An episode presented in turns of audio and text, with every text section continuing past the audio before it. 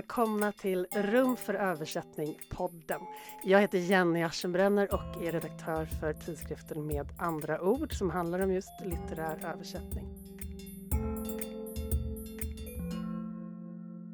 Och I det här avsnittet så ska vi prata om barns rätt till sitt språk och om samhällets rätt till mångspråkighetens rikedom och vad som har hänt som gör att de här sakerna är så svåra.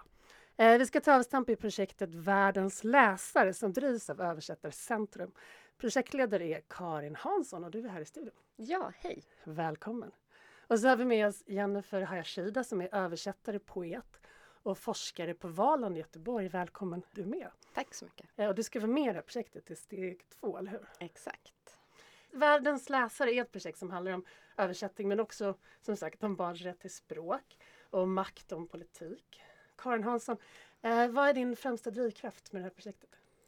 Nej, men bakgrunden till projektet och varför vi vill göra det är för att vi ser att det finns eh, en mängd flerspråkiga barn eh, i, i Sverige. Eh, men man tillvaratar inte deras eh, kompetens. Man ser den inte, utan det är bara någonting som finns där, men det är som ingen som lyfter den. Eh, och eh, när Daniel Gustafsson som är verksamhetschef för Översättarcentrum eh, berättade om den här idén som han hade fått från en översättare från Berlin där de har gjort det här i snart tio år så var det bara helt självklart att vi måste göra det här i Sverige. Den är så enkel, den är så genial och den kan verkligen eh, eh lyfta barnens språkliga självkänsla. Mm. Men då måste vi nästan omedelbart gå in på hur går det till rent praktiskt? Ja. Superkort, vad, vad är tanken? Idén är att man skickar ut, man låter översättare möta barn, eh, primärt i mellanstadieåldern, på folk eller skolbibliotek och ha liksom en, en 45-50 minuter session eller workshop om språk och, eh, och vad översättning är. Mm. Eh, Jennifer, vad tänker du om det här projektet? Jag tycker att det låter fantastiskt. Eh, jag tänker att just det här med att flerspråkighet för barn som har med sig andra språk från familjen, att det ofta nedvärderas i samhället, att det är någonting som man ska ta sig förbi. Jag tänker att ett sånt här projekt gör ju att den kunskapen eller förmågan eller erfarenheten värderas. Mm. Eh, hur har det gått hittills då, eh, Karin? Hur har eh, reaktionerna varit? Hur har liksom stämningen varit i rummet när ni har gjort det här? Ja, men det har gått bra. Det har gått förvånansvärt bra. Nu ska jag inte jinxa någonting, jag måste knacka lite i bordet. Men vi drog igång eh, ordentligt nu i våras i Region Stockholm och har gjort ett 20-tal besök eh, och har lika många planerade nu under hösten.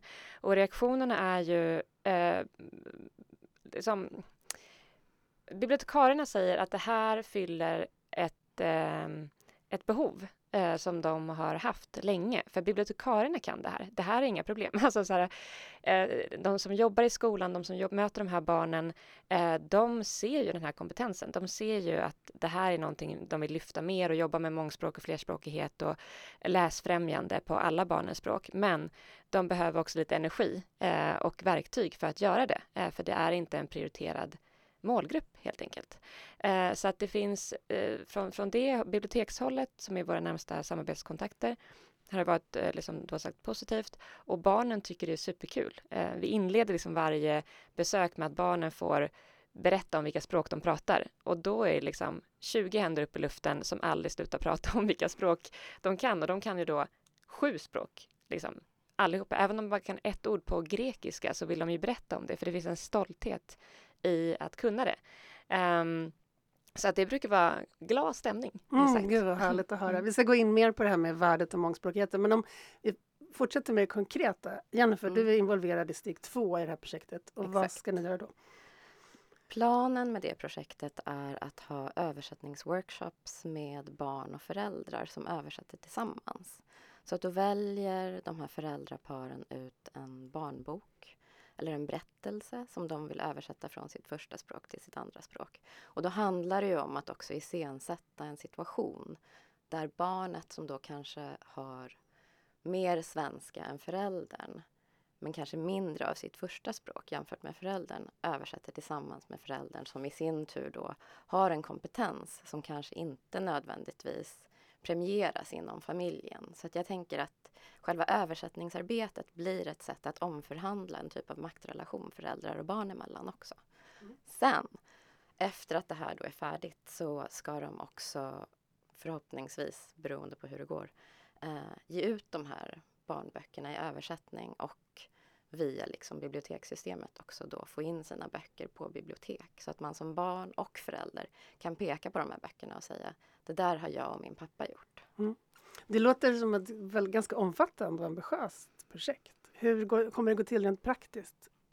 Ja, så som Karin och jag har föreställt oss att det ska gå till i vår under någon typ av pilotperiod, tänker jag, så ska de träffas på, under tre tillfällen i vår.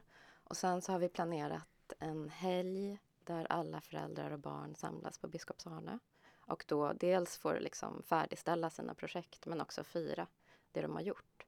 Och sen så tar processen vid vad gäller att då ge ut de här böckerna och då handlar det ju eh, dels om finansiering som är lite oklar men också eh, samarbetena med biblioteken som redan liksom är pågående. Mm. Karin? Ja, jag fick kommentera det där för att det vi försöker göra nu under det här första året med Världens läsare är ju att ta fram metoder för hur man kan nå flerspråkiga barn på olika håll och i olika målgrupper, alltså det vill säga olika åldersgrupper. Så att det jag pratade om nyss var ju liksom för mellanstadiet. Det här kan ju vara för lite yngre barn, eh, har vi väl primärt eh, tänkt, men vi håller ju också på att utveckla workshops för äldre barn. Men mm. Allting vi gör är ju för att sen vi ska kunna klona de här idéerna och, och göra dem på andra ställen än bara i Stockholm, utan även nå eh, vi behöver bara översättare som är engagerade runt om i landet så kan mm. vi dra igång vart som helst. Men vi vill ju då utveckla metoder för det hela. Mm. Vad krävs av en översättare för att vinna det projektet, tänker ni? Karisma. alltså, så här, alla översättare som är med i projektet nu är helt olika. Det är som seriefigurer, alla har sin egen gimmick liksom. Eh, är de typecastade också? Nej, det är den de glada, inte. Det är ingen såpa. det är ingen dokusåpa. Men alla förstår ju bakgrunden och alla liksom köper idén och eh, har tänkt på den själva. Och sen så har de ju olika eh, ingångar, hur de gör besöken. Eh, så det viktigaste är engagemang för idén och viljan att möta barn och unga. Mm. Det är det enda som räknas. Sen spelar det ingen roll vilka språk man översätter eh, från, eh, utan det, det, det som går igenom är att man vill vara i rummet. Det är det som märks. Precis. Men jag tänker också från ett översättarperspektiv. Jag tänker, vad tänker du Jennifer, att vad är det för typ av samtal som uppstår mellan barnen och föräldrarna när de sitter med de här texterna? Alltså jag, jag kom ju till mitt forskningsprojekt efter att ha undervisat i USA i nästan 20 år och då arbetade jag i första hand med elever eller studenter som vars familjer hade migrerat till Nordamerika, ofta från olika asiatiska länder. Och den här översättningsfrågan var ju central för dem. Det att de ens hade sökt till universitetet och sen utbildat sig och sen um, tänkte och arbetade på engelska gjorde ju att liksom språk blev ju en symbol för en typ av relation till Amerika helt enkelt. Och jag tänker, det finns väldigt mycket så sociologisk och antropologisk Eh, forskning kring det här. Men just det här att barnet i den situationen utgör ett slags, vad var det jag kallade det på svenska? Ett slags gångjärn mellan familjen och samhället. Och och det här är ju liksom ingenting nytt, men just att ingå i den, den, typen av förhandling mellan den här intima sfären och sen den institutionella sfären gör ju att barnet får en, ja, en, en roll som inte är i proportion till att vara barn i en familj. Och jag tänker att det är samma sak för föräldern, att föräldern blir mindre i familjen helt enkelt. Och i den här förhandlingen kring, som översättning ju är, alla som har översatt vet ju att Sitter man tillsammans med någon annan och översätter då får man syn på sin egen kunskap och så får man syn på den andra personens kunskap och så jämför man de olika typerna av kunskap. Och det är väl det jag tänker ska hända i den här situationen, att föräldrar och barn får syn på dels vad de själva kan, men också vad den andra kan som gör att de kanske då också ser på ett annat sätt på sin relation med varandra, inte bara via liksom samhället och nationen. Mm. Nej, men jag tänkte på många saker när du pratar. Dels det här med som du nämnde att bar, flerspråkiga barn är ju allt, har ju varit översättare ofta från att de var ganska små. Men att det är en roll som inte, alltså som, och väldigt skickliga på att tolka och översätta i en rad situationer mellan just familjen och den stora världen och föräldrarna och, det offentliga. Men det är en roll som inte tillskrivs speciellt stort värde, upplever jag det som i vårt samhälle. Nej, det osynliggörs och det, ju, det framställs ju och det är ju ofta också en nödlösning. Det betyder ju att barnet får information som det inte nödvändigtvis ska ha om sjukdomar eller juridiska frågor eller hyresförhandlingar och så vidare. Men liksom just den erfarenheten och det faktum att föräldern eller morför, mormor eller vem det nu är, är underkastad barnets språkliga makt kan ju också då skapa en typ av skevhet. Och jag tänker att det är svårt för en förälder att kanske fullt ut visa sin uppskattning för ett barn som gör det arbetet i familjen. För att det handlar ju om en typ av tillit också gentemot den, det land som det här barnet då kommer att representera via sin språkliga förmåga. Och det, det finns fantastisk liksom, litteratur som beskriver just den här glidningen som äger rum när ett barn närmar sig liksom majoritetsspråket och kommer längre och längre bort ifrån första språket som mm. då naturligtvis också symboliserar en typ av erfarenhet och plats och tillhörighet som föräldern i sin tur kanske känner av mycket starkare. Jag tänker, men jag tänker också att det är en kompetens trots allt, även om det är en nödlösning som barnet då tillgodogör sig. Absolut. Men som inte samhället heller erkänner, att föräldern inte klarar av att kanske erkänna en sak. Men vi i det omgivande samhället borde ju kunna se det här som en enorm kompetens. Har det varit en aspekt av det här projektet, Karin, att, att liksom lyfta upp det som en kompetens? Ja men verkligen, alltså vi säger det, vi har någon sån här slogan, så här, språkliga, lyfta deras språkliga superkraft kan låta cheesy, men det är det det handlar om och även, jag håller helt med Jennifer där att det, men det är ju också ett problem att barnen ska bli den vuxna i rummet. Men vi ser ju också i projektet att det är många att barnen har ju sitt modersmål eller sina flera modersmål i, i grunden, men de kan ju bara vokabuläret för hemma, hemmaspråket eller vad man ska säga. Och, och många går ju på eh, hemspråksundervisning och sådär. Men det är, jag läste rapporter att i årskurs 6 så störtdyker det. Eh, man fortsätter inte. Och då stannar ju ens vokabulär på en viss nivå eh, som man inte utvecklar vidare och man kanske har ord för socialtjänst och, och det som sker i hemmet. Och, men du har inte liksom, du fortsätter inte läsa så du, du utvecklar inte eh, den den vuxna eller tonårsvokabulären eller vuxenvokabulären. Um, så det är ett problem. Men jag vill också säga att det här är ju också, um, även om vi fokuserar på att lyfta barnens alla språk, så är ju svenskan en del av det. Det kommer vi inte ifrån. Och, och så det här projektet är, handlar inte om att barnen bara ska lära sig sina modersmål, utan det handlar ju också om att liksom tillgodogöra sig de språken man använder helt enkelt och fortsätta utveckla dem. Mm. Eh, jag tänkte på det du pratade om också Jennifer, om att översättning är en förhandling. Och här har vi en förhandling mellan två världar och mm. två generationer eh, och två språk. T eh, tänker ni er också att, att, så att säga, en, en djupare förståelse för sin egen familjs historia eller för åt andra hållet, från föräldern till barnets nu och vardag, att det också uppstår i den här språkliga förhandlingen som kommer att ske över köksbordet? Ja, nej men jag tänker väl det. Jag tänker också på eh, en del av min forskning, eh, mitt forskningsprojekt handlar väldigt mycket om den typ av kunskap som är väsentlig när man översätter och där tänker jag att erfarenhet, inte bara språklig eller lingvistisk kunskap, är central.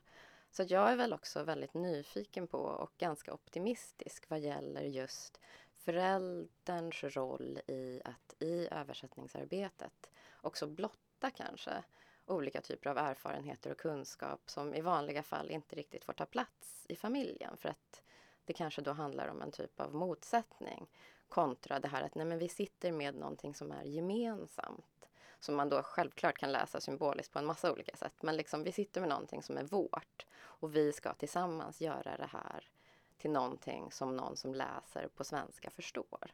Så jag tänker att det i den förhandlingen absolut finns ett tillfälle att också Uh, ja, men som sagt, liksom blotta och berätta helt enkelt. Att översättningsarbetet blir ett sätt för båda parter egentligen att berätta om vilka de är via liksom sina språkliga kunskaper. Det mm. blir ju liksom på något sätt lite mer neutralt än att säga men jag känner så här när du säger så kontra nu sitter vi med den här texten. Vad betyder det här ordet för dig? Otroligt spännande. Det får så mycket bilder av vad som skulle kunna hända vid de där köksborden. Man vill vara en liten, liten kamera som bara sitter och... För samtidigt måste det ju få hända i fred. Eh, för jag tänker också som sagt att det är ett titthål in i det svenska från förälderns sida och kanske en svensk vardag som kanske också kan vara svår att prata om mm. för att den kan upplevas som hotfull för föräldern eller i alla fall främmande.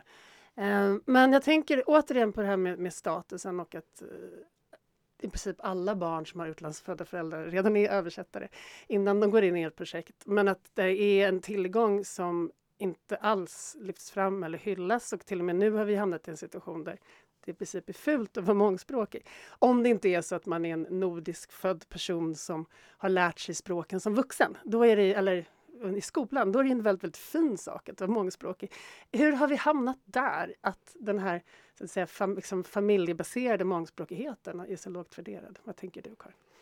Gud, jag vill nog passa den här bollen till Jennifer som kanske har tänkt mm. lite mer på den jag. Uh, nu kanske jag går händelserna i förväg lite grann. Men jag tänker att det också handlar om vilka språk vi pratar om. Jag tänker om vi säger att någon kan dari eller arabiska eller farsi är en helt annan sak än att säga att nej, men jag talar flytande franska eller tyska eller italienska. Just att, och, och återigen, jag vill bara hänvisa till att det finns forskning kring det här som då kallas på engelska i alla fall för ratio linguistics. Att liksom, det finns rasifierade projiceringar eller föreställningar kring språk som då är kopplade till kropp och nation. Och jag tänker att jag tänker att det i alla fall är ett led i den här förskjutningen som du beskriver. Att vissa språk har högre status än andra utifrån ja, det jag precis sa. Och att det i sin tur gör att barn och unga glider bort ifrån de sammanhang, bland annat då hemspråk, där, um, där de här språken står i fokus. Så att, och sen tänker jag att det här samhälleliga, det, det speglar ju hur de här språken ses. Liksom. Så att det är ju inte... Jag vet inte, för mig är det ju inte en avvikelse att vissa språk, utan det är ju att vissa språk har lägre status, att det, utan det är ju konsekvent med att vissa människor har lägre status i samhället också. Mm. Jag säger inte att det är rätt, jag tycker att det är fruktansvärt. Men det jag menar på är att språkens status speglar hur vi ser på människor och deras erfarenheter. Mm. Ja, och vi har ju också ett, till exempel ett Nobelpris som delas ut idag mm. till någon vi vet inte vem det blir. Men det är också vilka, vilka synliggörs, vilka författare synliggörs, vilka språk synliggörs, vad är det coolt att kunna?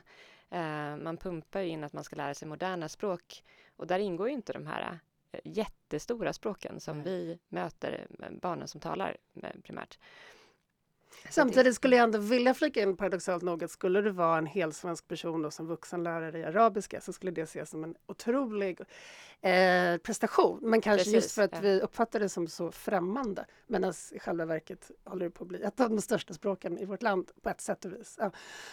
det kanske hänger ihop det där. Men samtidigt tänker jag, även om det självklart är så att olika språk har olika status och att ett trespråkigt barn med tyska, franska och engelska skulle ses som fantastiskt så. Eh, så är, är det inte så att man har börjat använda sig av språket som en sorts sköld att gömma sig bakom istället för att prata om ursprung eller hudfärg så kan man prata om eh, problemen med språken mm. istället.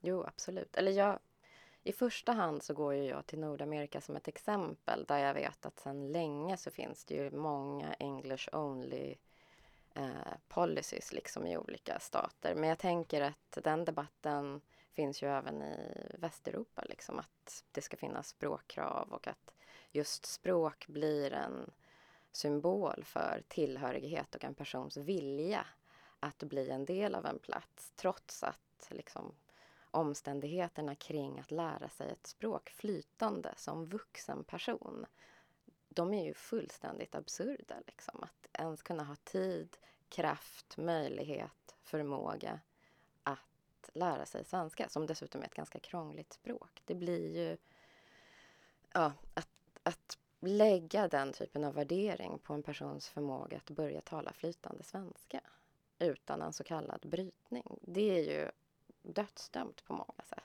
Det... Jag har hört eh, språkforskare prata om att just svenskar är besatta av brytning. Mm. Eh, att vi lägger så otroligt stark eh, status i, liksom, eller låg status då, i att någon bryter och att vi inte klarar av att se förbi det. Mm. Att vi faktiskt är lite extra inskränkta där.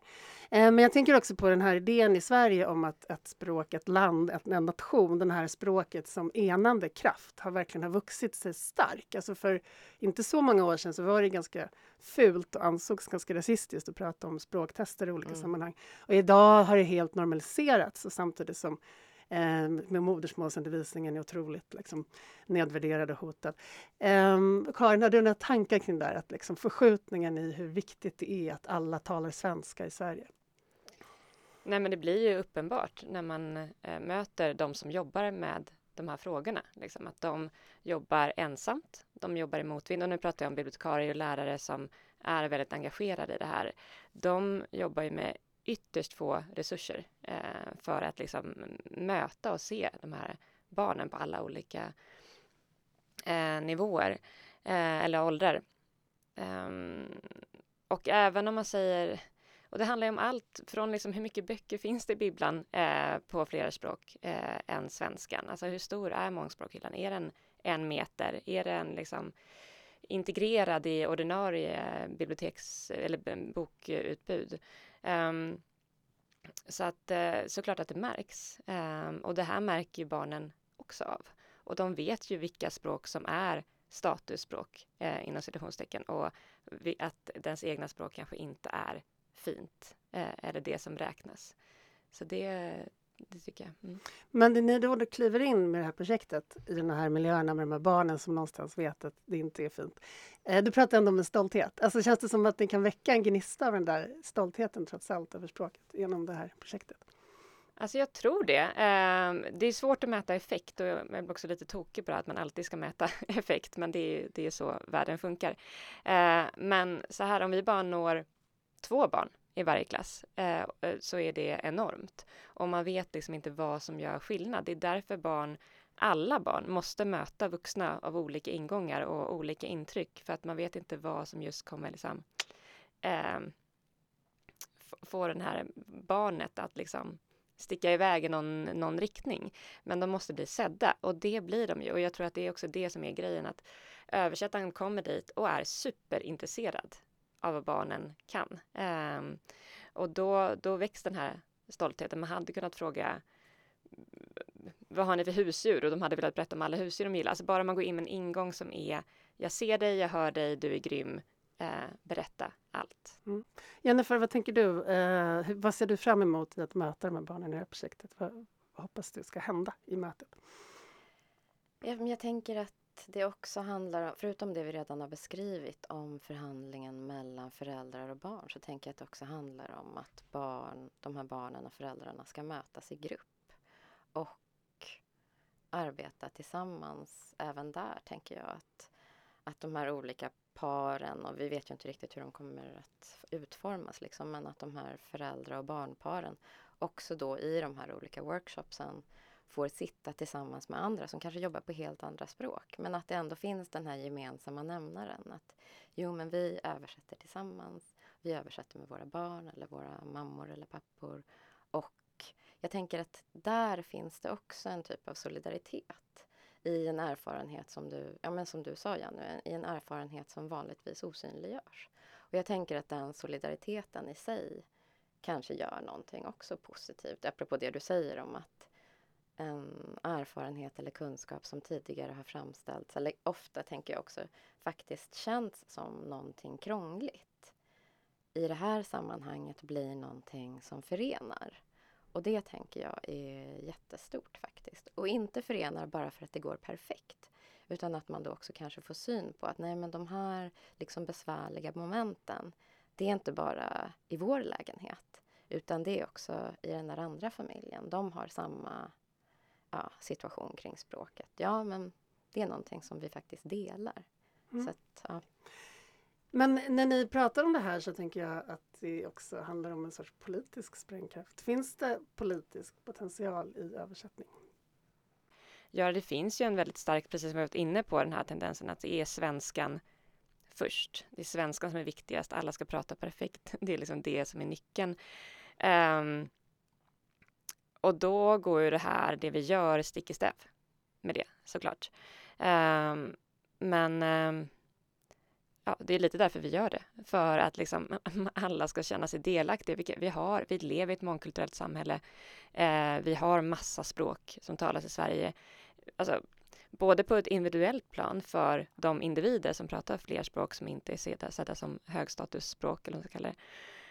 Um, och för samhället. Alltså Sverige är bättre rustade om vi har en, en kompetens där liksom 25-åringar kan behärska en väldig massa språk. Alltså, man kan bara tänka på framtida skatteintäkter om vi vill prata om startups och alltså, men vad du än ska jobba med. Eh, det, såklart den hemliga planen är att alla ska bli översättare med det här projektet, men mm. det säger vi nu bara i den här podden som folk lyssnar på. Det är ändå bara sektmedlemmar som lyssnar. Precis, precis, så att eh, håll det här inom gruppen. men Eh, oavsett vad du, vad du ska göra eh, så är det ju en guldkompetens att mm. ha de här språken. Och då om vi har folk som inte behärskar det, då blir det ingenting. Jag tänker också att det finns en sprängkraft. Man bara föreställer sig att alla erfarenheter som finns hos människor i det här landet och också språken i det skulle se, synas och värderas lika högt. Vilket helt annorlunda samhälle vi skulle ha. Att det finns en sorts enorm eh, sprängkraft i att på något sätt ge människor en röst eller liksom modet att använda sin röst och en, ett utrymme att, mm. att uttrycka sig. Ja, men verkligen. Men jag tänker på det, jag har flera vänner eh, som eh, i min ålder som, som nu har börjat få barn, men där deras föräldrar har inte, eh, eller det ligger inte på deras föräldrar, det låg på samhället då för 30-40 år sedan, att man inte liksom verkligen pushade för eh, flerspråkigheten, utan det är många som liksom så här, men mm, man kom hit, man skulle lära sig svenska så fort som möjligt, det var liksom nyckeln till framgång, liksom. det och hårt plugg och liksom, mm, du får en ny chans, liksom. att föräldrarna hade jobbat så hårt för att barnen skulle komma en ny chans. Så många av då mina vänner behärskar ju inte sina föräldrars språk. Och sen får de själva barn. Eh, och då blir det någon så här, ligger det då på dem att föra det här språket vidare som de själva inte behärskar som då inte riktigt är deras modersmål för de heller inte själva gör det. Alltså, det blir sådana konsekvenser. Då det här barnbarnet och mor och farföräldrarna, det, det är så lång, långt uh, gap mm. uh, mellan dem. Uh, jag vet inte om du har någon tanke kring det, Jennifer? Jag, jag alltså dels tänker jag väl på Alltså jag undervisar i översättning på Biskops-Arne, det är ju det andra jag gör på deras författarskola. Och eh, i dagarna så hade jag eh, träff med deltagare där. Och just den här frågan kring att ha en ofullständig kunskap av ett språk oavsett vad språket är. Och att det i sig är ett, sån, ett sånt stort hinder för att den personen ska vilja jobba med det språket för det är så skambelagt på något sätt. Det är både skam och sorg tänker jag för det är också en sån enorm förlust. Och där tänker jag att Ja men återigen det här att översätta tillsammans med andra som jag tänker är politiskt. Det är ett sätt att också säga, att ifrågasätta den här ensamma översättaren som sitter och knåpar med en källtext kontra att sitta sju personer som kanske alla känner att nej men jag kan inte det här tillräckligt väl. Men att man tillsammans kan det tillräckligt väl. Och att i det också dels närma sig det språk som man ja, kämpar med. Men att också då återigen uppleva en typ av gemenskap i det arbetet. Som i sin tur gör att ja, den här gruppen kanske då översätter andra texter. Och det här tänker jag är det är en av de politiska aspekterna kring översättning som ofta ja, vanligtvis i liksom en mainstream handlar om texterna som översätts. Att den här romanen berättar om apartheid eller den här romanen berättar om ja, arabiska våren eller whatever. Liksom. Men att det också handlar om ja, men vilka är det som väljer de här texterna? Det är ofta förlag, transnationella förlag som väljer vad som ska översättas, översättas kontra att det är personer som kanske har erfarenhet av en plats, av en litteratur, eh, av en historieskrivning som i sin tur väljer att översätta och att det är de texterna som också synliggörs. Och där tänker jag att det finns en enorm potential. Sen hamnar man ju i frågor kring liksom hur det här arbetet också ska, att man ska kunna betala sin hyra. Men jag, jag tänker att förhoppningsvis kan kanske det vi kallar för världslitteratur också lämna plats för den typen av liksom, engagemang. Men jag tänker också när de här barnen som har gått i workshop blir vuxna och känner att de har tillgång till den litterära världen och översättning så börjar de jobba på förlag. Ja, det... tar in nya berättelser. Nej, men jag tänker att det är en, en siffra. Men jag tänkte det var intressant det där du sa om att översätta i grupp, att det låter också som en sorts uppgörelse med kanske ett, någon så här, det ensamma geniet-kult mm. även inom översättning. Är det någonting som håller på att hända? Alltså jag vet inte om det är någonting som håller på att hända men det är någonting som jag försöker uppmuntra i min undervisning och min forskning. Just den här idén om att den ensamma översättaren är så fullständigt vansinnig på vissa sätt. Uh, när vi översätter till, i grupp i olika kursmoment, det första vi pratar om är ju hur sjukt det är att ja, men 12 personer har 12 olika översättningar men när vi läser en roman så är det en person som sitter med de besluten. Och att de då får syn på det faktum att jo, men det är verkligen en gatekeeper som sitter där och säger, släpper fram olika verb och pronomen och prepositioner som ju säger allt om en text egentligen.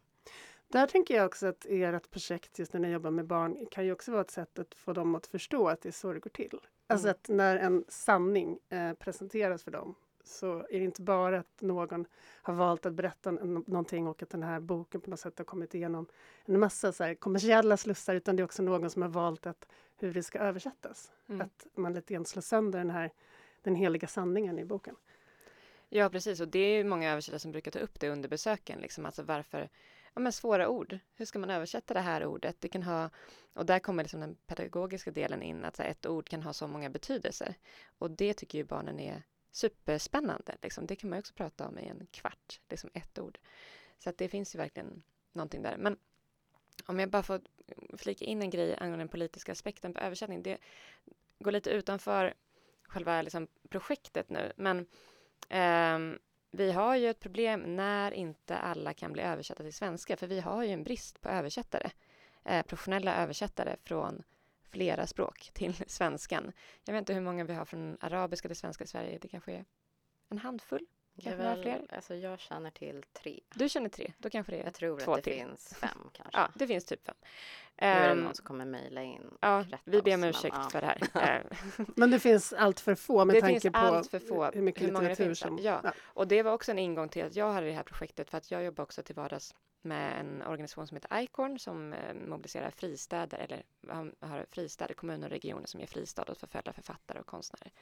Så vi har en mängd eh, människor som har kommit till Sverige för att de inte, för att de har varit en, en obekväm röst i sina hemländer. Vi vill ju att de ska fortsätta jobba. Eh, det, är det, det vill de också. Det är det enda de vill. De vill ut sina böcker, de vill få ut med sina texter, de vill få ut med sitt med sin röst eh, för att fortsätta påverka från exilen. Det är liksom, för det är jobbigt nog att behöva vara i exil. Men om vi då inte har tillräckligt mycket kompetens för att kunna göra om det här till svenska eller ens till engelska eh, så har vi ett problem. För då är de i trygghet, men de är helt tysta. Och det är ett allvarligt problem för demokratin worldwide, om man säger så. Mm.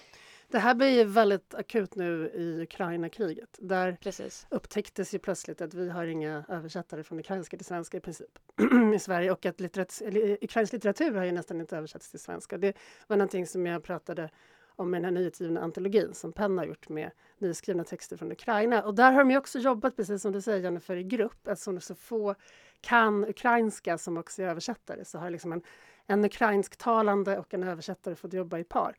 Eh, och där har de inte ens satt ut eh, vem som har översatt vilken text under texten. Det är ganska spännande utifrån mm. just den aspekten att, att det måste till andra metoder. Eh, men då så översätter Mikael Nydahl som är översättare från ryska men som nu går en snabbkurs i ukrainska just av det här skälet. Att han fick syn på att översättning faktiskt är otroligt politiskt på ett väldigt direkt sätt just i att Eh, om de här rösterna från Ukraina hade nått omvärlden tidigare så kanske inte det här kriget hade varit möjligt. Alltså så påtagligt starkt. Eh, vad tänker ni om det? Är det är översättning, kan översättning vara direkt politisk på det sättet?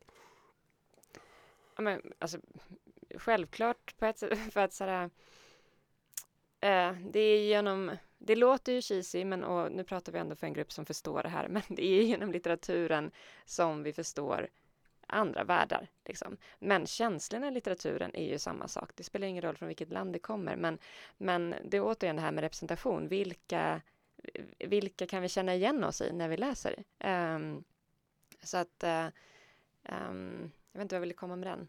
Nej, men kanske vilka blir människor för oss? Ja, för det var ju det precis. som var med Ukraina, att det var ett väldigt avlägset land för oss rent mentalt tills kriget kom och vi upptäckte att det var våra grannar. Men vi hade inte riktigt tänkt på det innan och där kanske översättning kliver in. Att, eh, om vi, det, blir, det blir våra liksom, konkreta så här, medmänniskor som står oss nära på riktigt för att vi förstår hur de lever och har liksom, delat erfarenheter. Ja, men det känns som att det måste flyttas från att översättning ska vara en en solidaritetshandling eller någonting som man bara gör för att vara schysst för att eh, liksom eh, alltså jag är stor beundrare av, av eh, Mikael Nydahl och hela den här gruppen översättare som översatt. Det är helt enormt.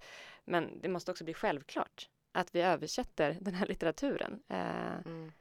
och, och, även barnlitteraturen, för det ser vi också att det, mm, det, det, det är ingen representation där, för det finns ingen marknad. Eh, så att Um, för det handlar ju om att barnen, om Disney nu äntligen har börjat liksom bredda sin representation så behöver vi göra det med barnlitteraturen också. Men sen tänker jag tyvärr, och det här är kanske min lite pessimistiska inställning, det är väl att det fortfarande handlar om språkets status. Att vi skulle kunna ha fantastiskt mycket litteratur översatt från arabiska till exempel och jag är inte helt säker på att det skulle påverka den politiska diskursen. Tyvärr.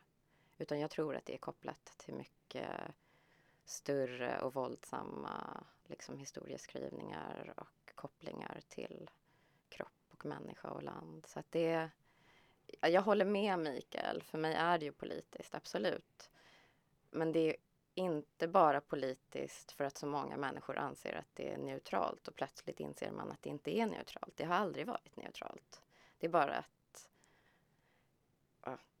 Nils Håkansson har ju bland annat skrivit om det här, liksom, att den här föreställningen om neutralitet i översättning gör ju att när det kopplas till vissa sammanhang eller människor att det plötsligt blir politiskt. Men det har ju alltid varit politiskt. Att, ja. Hur menar du där, det sista du sa? En neutralitet, alltså, när har man tänkt att det är neutralt? Och, alltså... Nej men att det har varit någonting som kan osynliggöras. Den här överföringen mellan språk, att det är någonting som inte ska synas eller kännas av.